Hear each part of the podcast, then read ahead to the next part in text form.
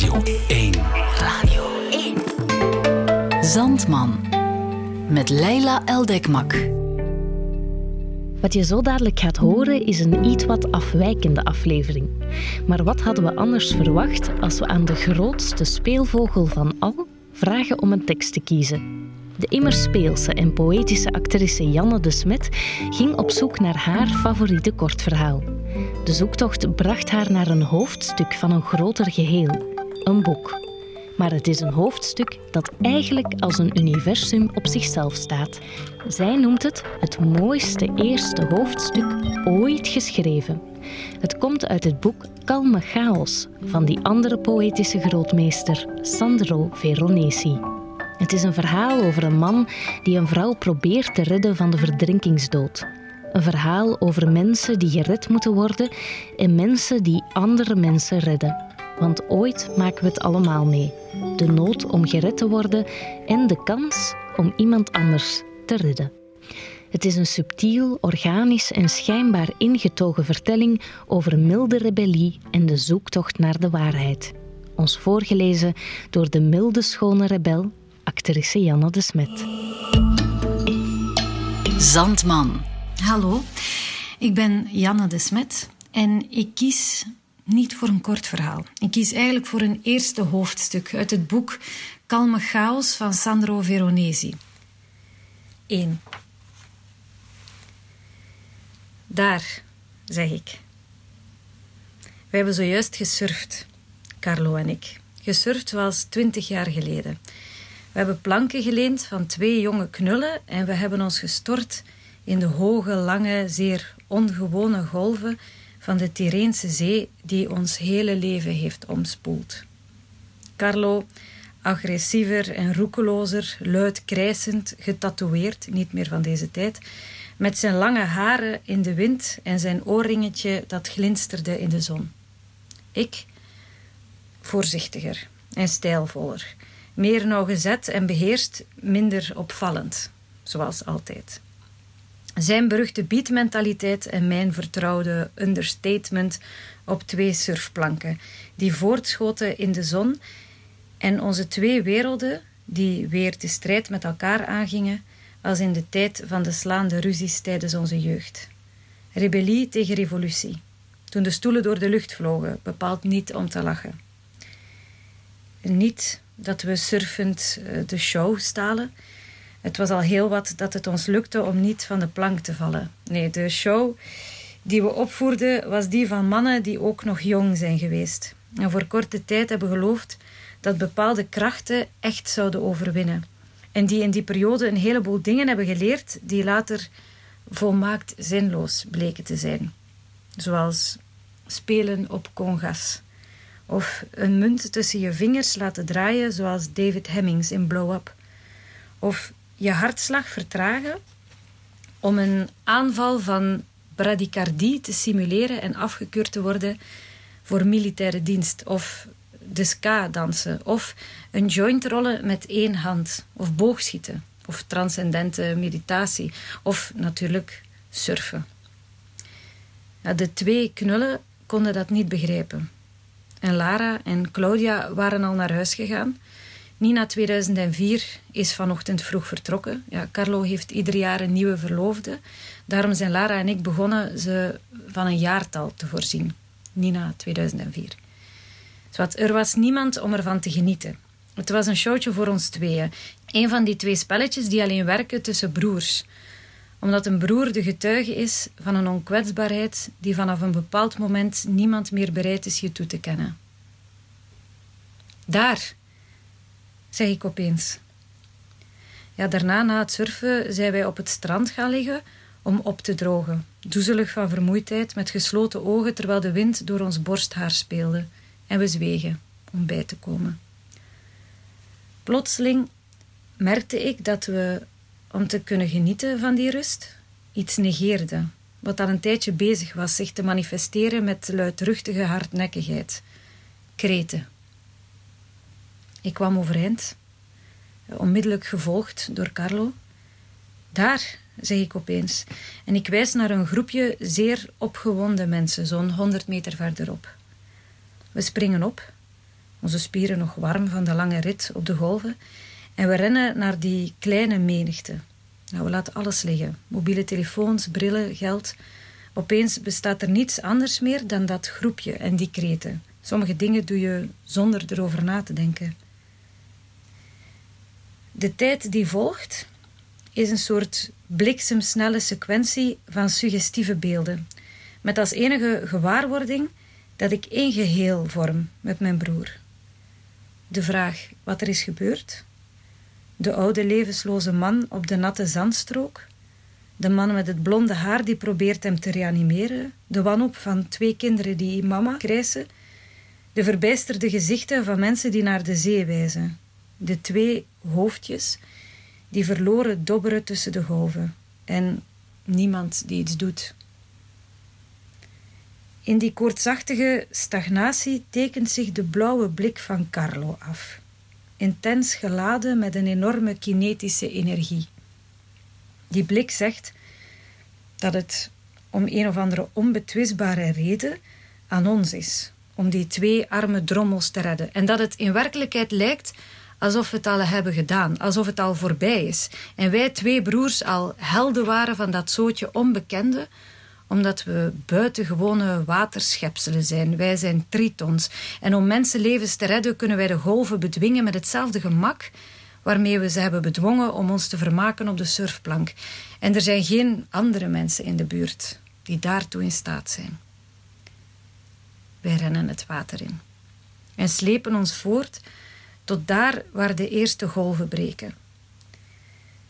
Daar stuiten we op een vreemde man, lang, dun en met rood haar, die onhandig bezig is een heel kort touw de zee in te werpen, terwijl de drenkelingen zich op een afstand van minstens 30 meter bevinden. We gaan hem snel voorbij.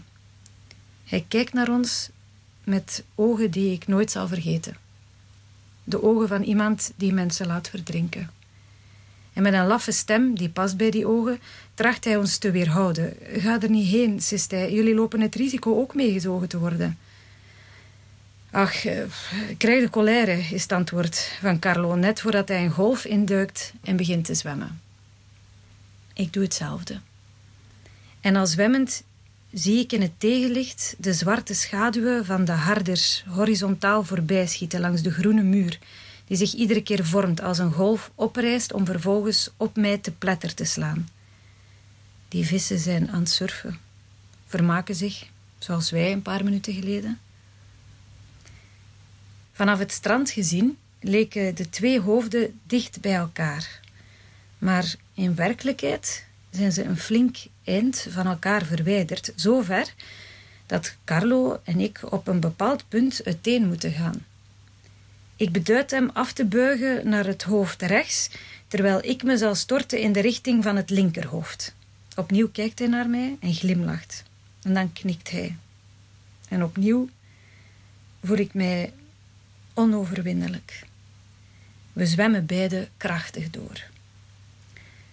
Als ik dichtbij genoeg ben, zie ik dat het een vrouw is.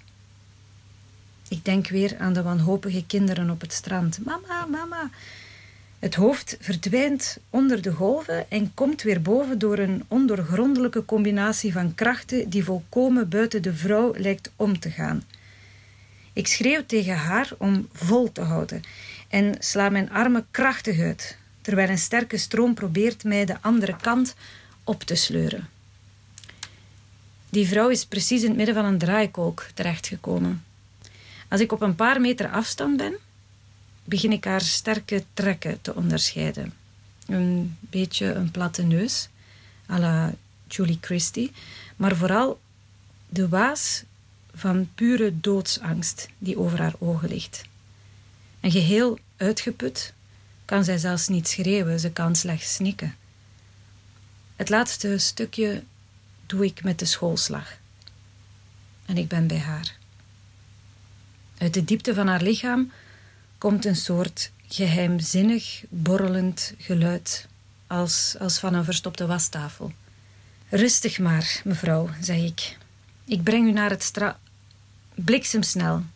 Alsof ze er zich zorgvuldig op had voorbereid, zet de vrouw haar handen in de holtes van mijn sleutelbeen en trekt me uit alle macht onder water.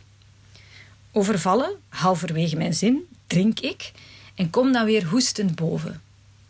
Rustig maar, zeg ik. U moet mij niet opnieuw. Opnieuw drukt de vrouw mij onder water zonder dat ik mijn zin kan afmaken en opnieuw krijg ik water binnen. En het kost me moeite om weer boven te komen en adem te krijgen. Onmiddellijk probeert ze mij weer naar beneden te trekken. Ik moet mij loswringen om aan haar greep te kunnen ontkomen.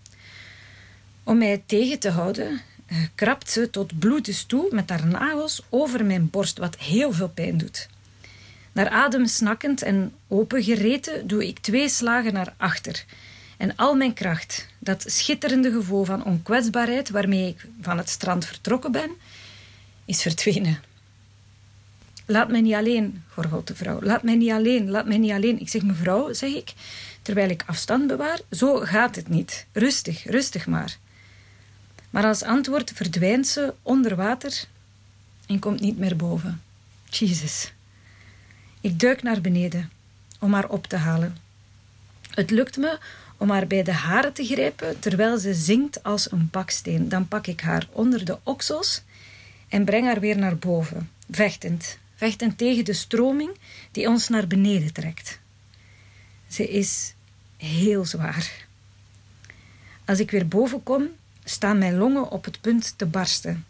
Maar de vrouw geeft me in ieder geval de tijd om een paar maal adem te halen voordat ze me weer begint te, duwen. Laat mij niet alleen, we zijn terug bij af. Laat mij niet alleen.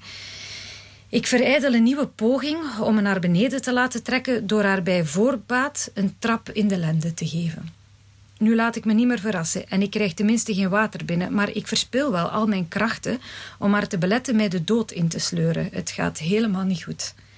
Laat mij niet alleen, laat mij niet alleen. Uh, uh, laat mij niet alleen, ik laat u niet alleen, schreeuw ik. Maar u moet mij loslaten, anders verdrinken we allebei. Het is nu echt wel duidelijk dat deze vrouw niet gered wil worden. Ze wil alleen dat iemand samen met haar sterft.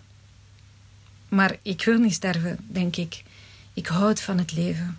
Ik heb een vrouw en een dochter die thuis op me wachten.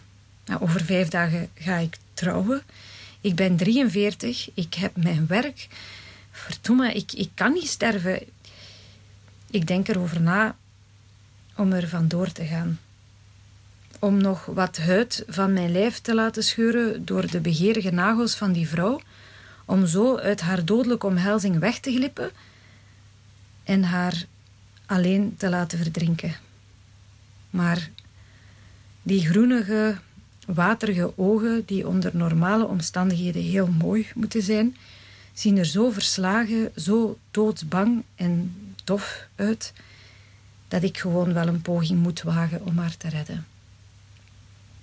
Ik denk weer aan die kinderen, aan die, aan die idioot die zei dat we het niet moesten doen, aan mijn broer, die op dit moment weet ik wat doormaakt.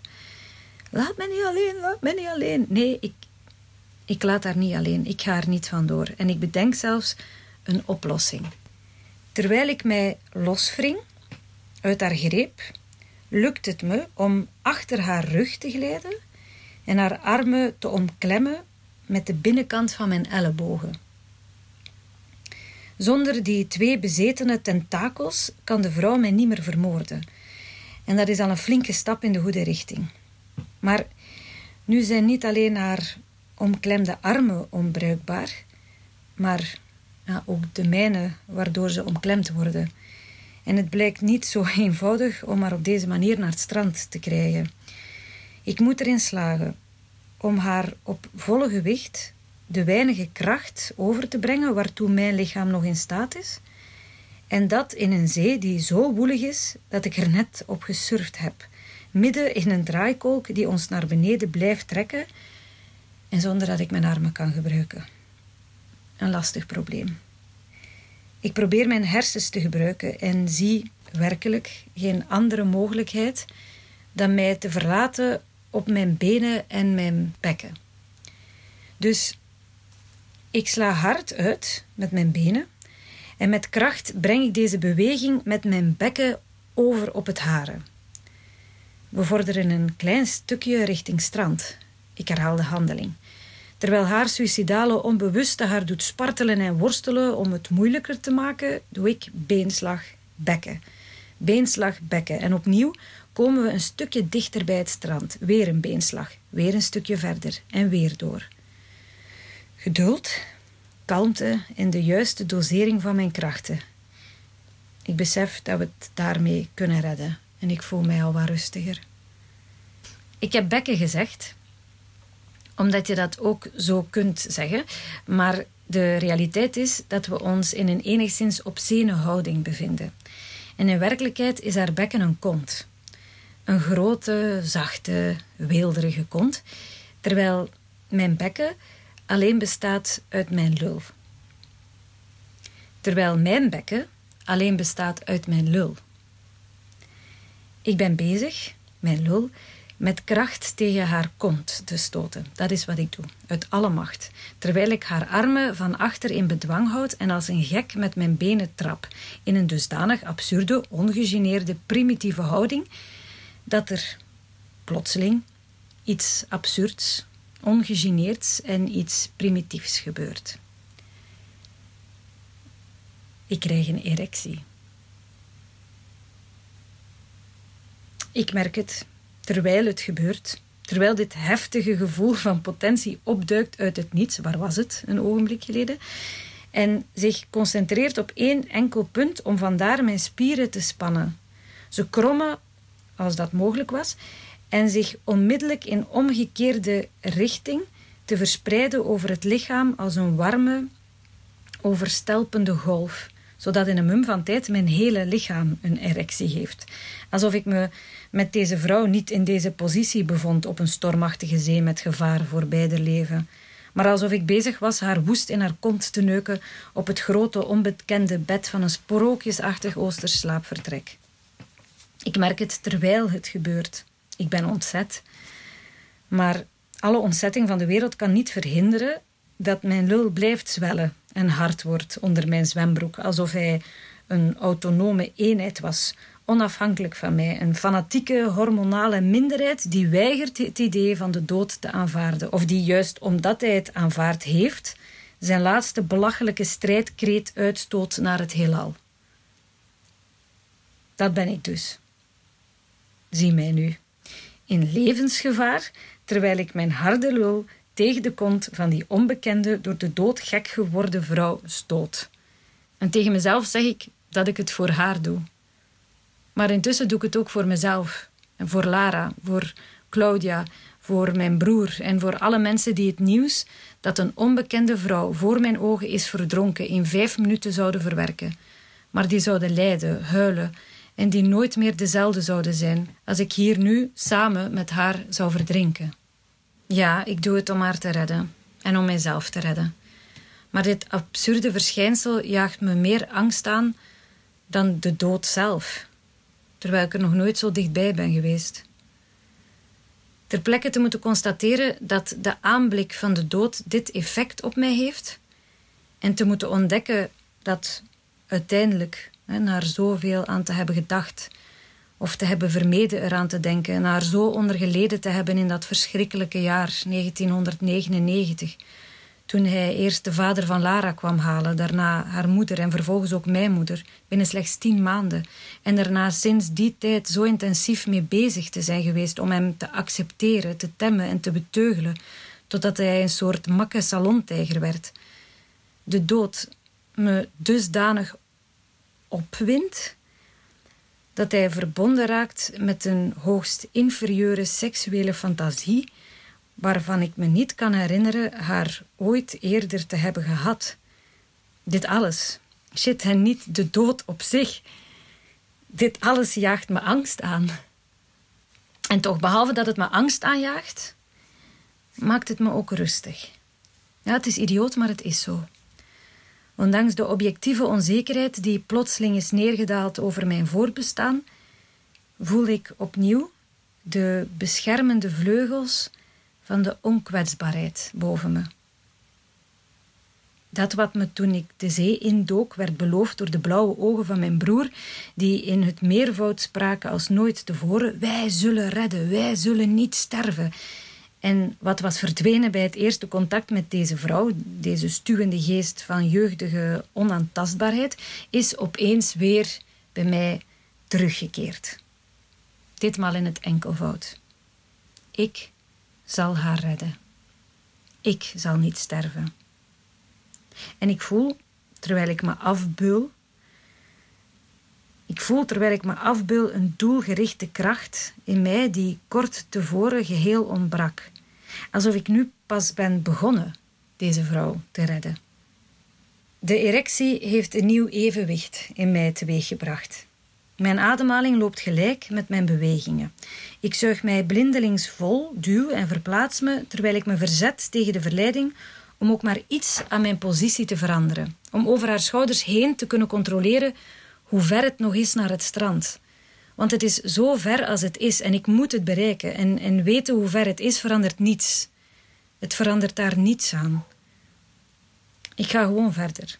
Krampachtig, dwangmatig, met deze baal vlees die siddert en snikt en nog steeds probeert zich te verzetten tegen mijn heroïsche actie.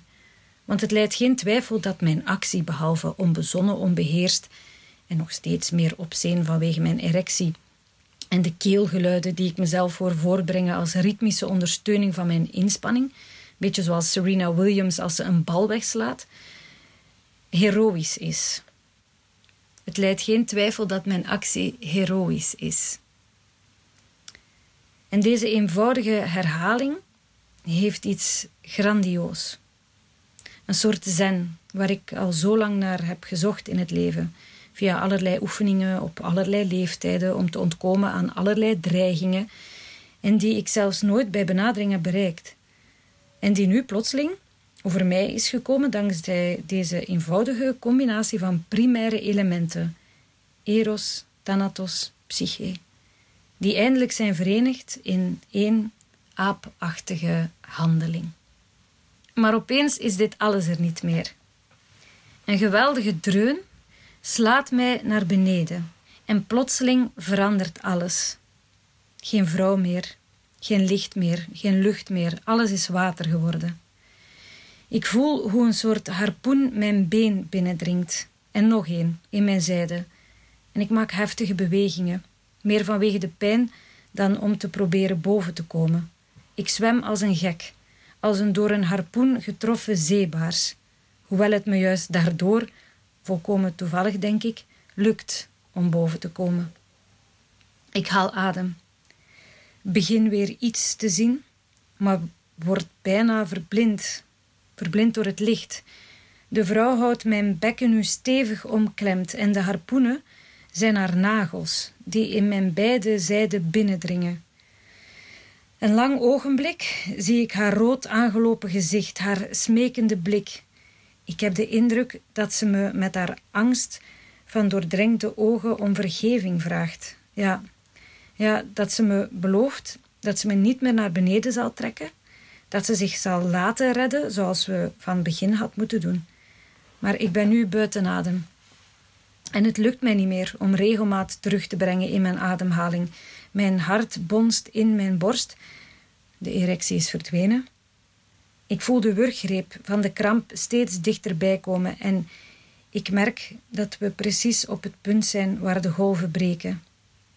En plotseling ben ik er absoluut zeker van dat ik met het kleine beetje kracht dat ik nog heb, in mijn eentje net het strand kan bereiken. Maar dat het nu ondenkbaar is dat ik ook haar mee zou kunnen nemen. En op een of andere manier weet ik ook dat de tijd op is. Dat ik me zo snel mogelijk van haar moet ontdoen, onmiddellijk. Wil ik niet echt zo miserabel omkomen als ik nu dreig te doen. Opeens haat ik haar, die vrouw. Maar hoe haal je het in je hoofd, gore teef, om voor mijn ogen te verdrinken op de plek waar ik al mijn zomers heb doorgebracht, al van mijn kinderjaren. De plek waar ik heb leren zwemmen, duiken, surfen, zeilen, waterskiën en, en onder water blijven zonder adem te halen, zonder zuurstoffles, op een diepte van 15 meter. En me daarom onkwetsbaar te voelen. Hoort je me goed onkwetsbaar voor de verdrinkingsdood? En als ik reageer op jouw noodkreet en doe wat jij wilde dat ik zou doen, ik kom dus aangerend om je te redden, ondanks het feit dat ik je niet ken. En dat ik over vijf dagen ga trouwen en een heleboel te verliezen heb. Waarschijnlijk meer dan die roodharige hufter die me aanraadde om je te laten sterven. En jou tenslotte bereik, probeer je me te vermoorden. En nu heb je berouw. Krijg toch de colère. Een stomp. Ik besluit haar een stomp in haar gezicht te geven en haar hier alleen te laten sterven. En mij mee te laten sleuren naar het strand door die enorme golf die eraan komt, Jesus. En ik sta op het punt om het te doen. Eigenlijk ben ik er al mee begonnen. Ik ben al bezig mij achterover te buigen om kracht te kunnen zetten voor de klap. Want zij klampt zich met haar nagels vast in mijn flanken en het doelwit haar half ondergedompelde gezicht dat wanhopig naar boven is gericht, klotst ter hoogte van mijn knieholtes als de enorme golf ons verplettert. En alles is weer duisternis. En water en haken die steeds dieper in mijn vlees dringen, nu in mijn dijen. En er is geen boven of onder meer. Het is allemaal kolkend water en schuim en zand en luchtbellen.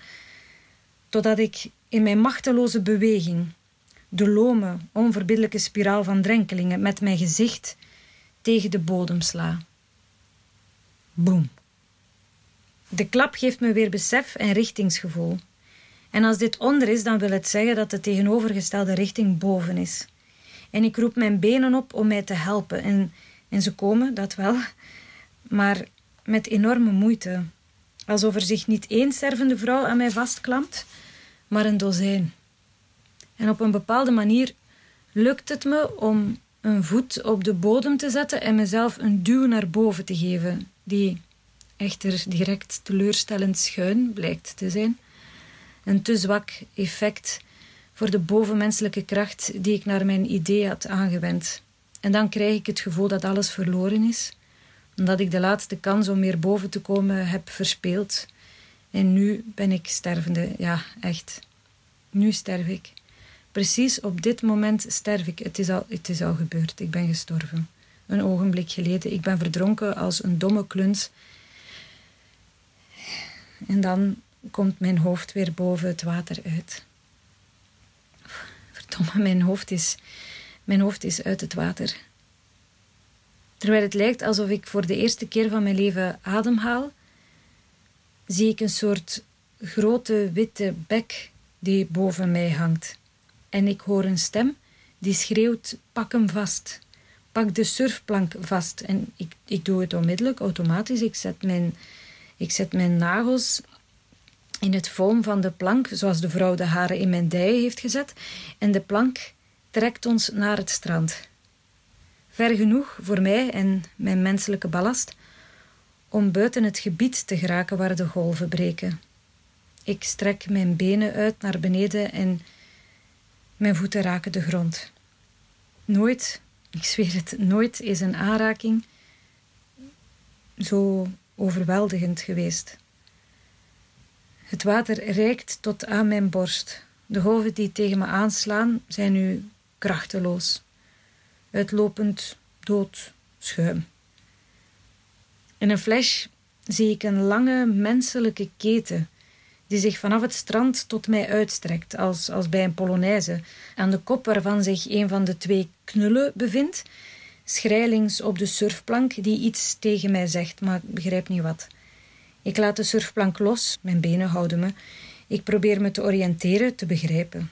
Intussen valt de menselijke keten uit elkaar en direct voel ik een gemis. Ik heb hem slechts heel even gezien en het was het was een van die beelden die zin geven aan een heel leven. Anderen houden elkaars hand vast met de bedoeling jou te bereiken. En het duurde natuurlijk te kort. Maar ook in dat ene ogenblik werd ik getroffen door de onpeilbare schoonheid van dat beeld. Omdat het me opeens het gevoel gaf gered te zijn. Jezus. De redder gered. Het klinkt me onverdraaglijk in de oren. Daarom hervat ik onmiddellijk mijn opdracht. Ik pak de vrouw onder haar oksels en trek haar omhoog, want ook hier waar je kunt staan schijnt ze te willen verdrinken. Maar nu werpen ze zich in grote getalen op mij. Ze trekken haar uit mijn handen en ze willen ook mij vastpakken, ondersteunen en geruststellen, de klotzakken. Ik moet ze van mijn lijf houden. Ik moet verklaren dat met mij alles in orde is, dat alles goed gaat, dat ik niets nodig heb, maar ik heb niet de kracht om mijn buit te verdedigen en haar in mijn armen naar het strand te dragen zoals ik wilde, naar haar kinderen. Gered, ze hier, gered, dankzij mij. Nee, daar heb ik de kracht niet voor. En de vrouw verdwijnt.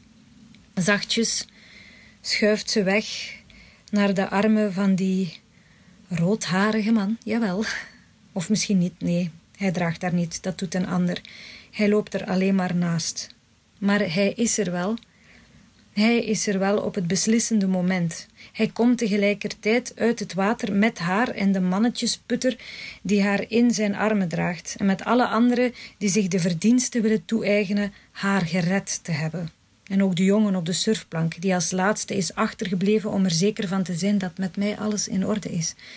Eh, dat ik me niet eventueel aan zijn plank wil vastgrijpen om mee naar het strand te slepen. En, en ik zeg weer nee. Ik zeg weer nee. En ik zeg het grommend. Met mij is alles in orde. Ik heb niets nodig, dank u wel. Ook hij keert terug naar de menigte op het droge. En ik blijf alleen achter. Dat is dan dat. Dat is dan dat. Het gaat natuurlijk helemaal niet goed met me. Mijn lichaam trilt. Mijn adem is nog gejaagd. Ik heb het koud. Ik heb het koud, maar ik wilde ze laten geloven dat met mij alles in orde was. En ze hebben het geloofd. En mij alleen achtergelaten. Ik adem. Adem. Adem. Opeens, alsof ik ontwaak uit een wonderbaarlijke nachtmerrie, word ik door alle prioriteiten van mijn leven gelijktijdig overvallen. Lara, Claudia, mijn dochter, Carlo, Carlo. Hoe lang heb ik al niet meer aan hem gedacht? Wat, wat zal er met hem gebeurd zijn? Ik kijk wanhopig om mij heen. Ik kijk wanhopig om mij heen zoals je doet wanneer je denkt dat je je dochtertje kwijt bent geraakt in een supermarkt, omdat je even afgeleid was, terwijl ze vlakbij je staat. Ook Carlo is vlakbij. Nou, Zo'n twintig meter verderop, nog steeds in het water, net als ik. En hij praat met de andere jongen van de surfplank, net zoals ik, even geleden. Terwijl ook in zijn omgeving dat wat het overblijfsel lijkt van een menselijke keten die zich had gevormd om hem te bereiken en daarna voor altijd uit elkaar is gevallen, zich met het geredde mensenleven in de richting van het droge verplaatst. Carlo ziet mij en zwaait naar mij. Ik zwaai naar hem. Hij komt op mij af. Ik ga naar hem toe en de reeds overduidelijke symmetrie van onze omstandigheden wordt volmaakt wanneer ook zijn jongen hem alleen achterlaat en zijn eigen weg vervolgt. Carlo en ik, wij ontmoeten elkaar halverwege, zoals overigens altijd gebeurt als hij en ik elkaar ontmoeten. Wij omhelzen elkaar zelfs. We vertellen elkaar hoe het is gegaan en, en het blijkt voor beide min of meer op dezelfde manier gegaan te zijn. We laten elkaar onze schrammen zien de bloedige striemen die onze twee drenkelingen in doodsnood, ook de zijne was een vrouw, op ons hele lichaam hebben achtergelaten. Carlo is echter minder ondaan dan ik. Hij maakt grappen, lacht. Hij is waarschijnlijk niet bijna verdronken zoals ik, of het heeft op hem minder indruk gemaakt. En ik schaam mij daar een beetje over. Intussen lopen we langzaam naar het strand. Het water komt tot aan ons middel. We beginnen nu ook de geluiden te horen van de koortsachtige bedrijvigheid van de redders. Een wirwar van stemmen die samenvalt met de chaos van bewegingen rond de plek waar de twee vrouwen zijn neergelegd. Glimlachend kijkt Carlo mij aan. Weet je wat er nu gaat gebeuren? zegt hij. Ik zeg nee, wat dan? We komen nu het water uit, nietwaar? Het water komt nu tot onze dijen. We zijn er bijna. Ja, zeg ik. Ik kan mij vergissen, zegt Carlo. Maar als wij zo meteen het strand bereiken, zonder dat iemand dank u wel heeft gezegd, zal het volgens mij zijn alsof, alsof wij niets gedaan hebben. Waar zijn wij in terechtgekomen? We lopen door. Het water komt nu tot onze knieën. En niemand merkt ons op. Ze gaan allemaal op in een reddingswerk. Carlo blijft glimlachen, ik blijf rillen van de kou. Het water komt nu tot aan onze kuiten. Niemand ziet ons. Tot onze enkels. Niemand let op ons. Nog drie stappen, zegt Carlo. En wij zijn niet meer dan twee boerenlullen die komen kijken wat er aan de hand is. Dat is onmogelijk, antwoord ik. Dat is, dat is, nee, dat is onmogelijk. Maar intussen begin ik hetzelfde gevoel te krijgen. Nu zijn we uit het water. Niemand, niemand keurt ons een blik waardig.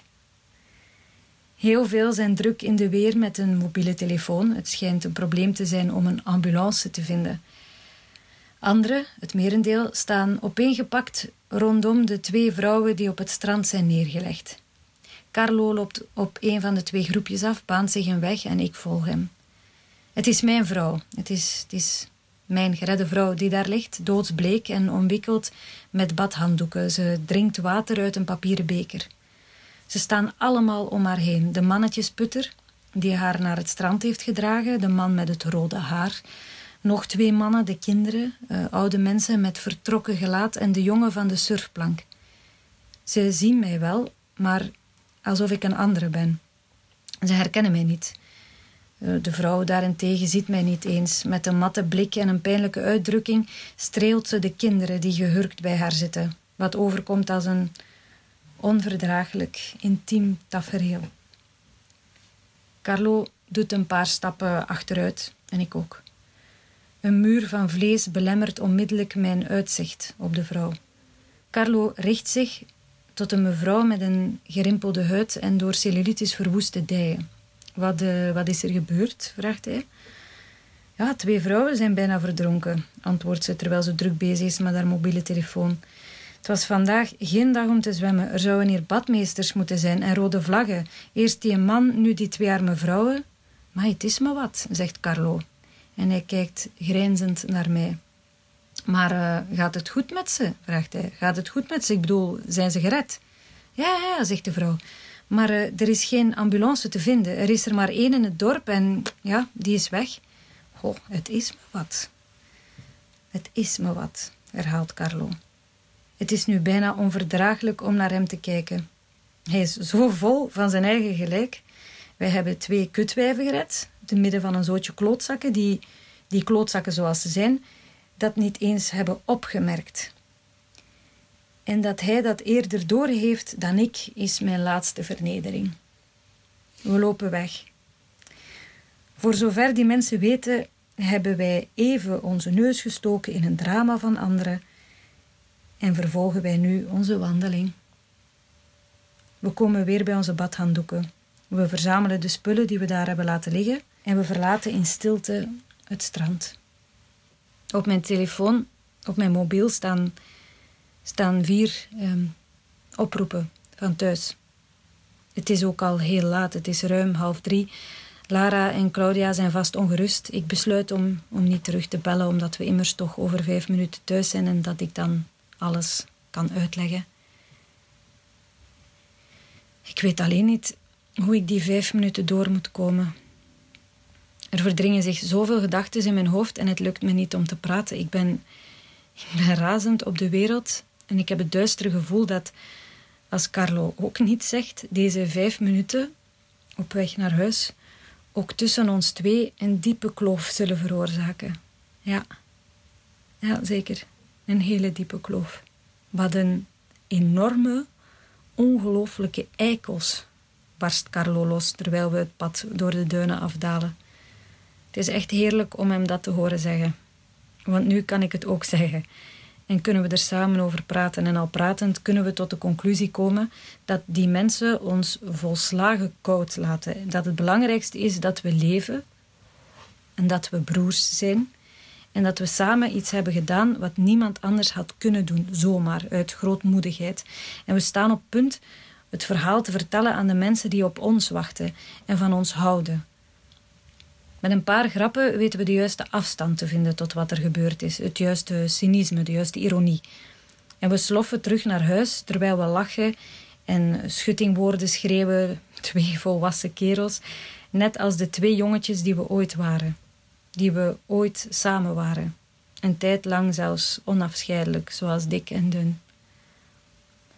Terwijl we het laantje inslaan waar ik woon, bereid ik de afgezwakte versie voor die ik aan Lara en Claudia ga vertellen. Zonder erectie, zonder iets van levensgevaar. En die om de nu niet meer gruwelijke, maar cynische en zelfs vrolijke constatering draait dat je in het leven iets enorms kunt doen, zoals het redden van iemand die verdrinkt, zonder dat iemand dankjewel zegt. Hm. En spontaan vraag ik mij af of het misschien niet een beetje te veel is voor een meisje van tien zoals Claudia. Of ze hiertegen niet beschermd zou moeten worden door de gebeurtenis nog verder af te zwakken of zelfs te liegen. Door bijvoorbeeld ehm, op een bepaald moment hebben wij twee menselijke ketens gevormd met alle mensen die op het strand waren, nietwaar Carlo? En toen hebben, we, ehm, toen hebben we de twee surfers naar voren geduwd, zodat, ze konden, zodat die vrouwen zich konden vastgrijpen aan een planken en En op dat moment, op het moment dat ik deze versie voorbereid, zie ik het blauwe zwaailicht. Ik kijk naar Carlo. Ook hij is verbijsterd. Ik versnel mijn pas. En aan het einde van het laantje zie ik naast onze auto's de ambulance geparkeerd staan met, met geopende deuren. Ik begin naar mijn huis te rennen. En tijdens die 10 meter zie ik achtereenvolgens onze rechterburen, onze linkerburen, Maria, de werkster, Mac, de oppas van Claudia, en Claudia, die door haar wordt omarmd. Een moment lang zie ik niets anders en dat wat ik zie is al voldoende om mij de angst om het hart te doen slaan. Maar ik zie niet dat Lara zich niet bevindt tussen al die huilende, ondane mensen. En ik zie evenmin dat Lara er wel degelijk is. Ze is het middelpunt van dat tafereel, omringd door de dokters, de brancardiers. Ze ligt op de grond naast een nutteloze glimmende brancard, omringd door de witte scherven van een dienblad dat aan diggelen is gevallen en door rode en gele vlekken die rondom haar heen overal op het plaveisel verspreid liggen, ham en meloen. Mooi, gebruind en roerloos in een eigenaardige, onnatuurlijke houding. Een moment lang een lang moment zie ik dit alles niet. Maar dan zie ik het. Opeens zie ik het. Alles tegelijk. En er is niets aan te doen. In het middelpunt van dit tafereel, voor mijn huis, voor de ogen van mijn dochter, van de werkster en de oppas van mijn buren en mijn broer die zojuist samen met mij is gearriveerd, met op de achtergrond een naast mijn auto geparkeerde ambulance met zwaailicht. Bestaat dit alles? Punt.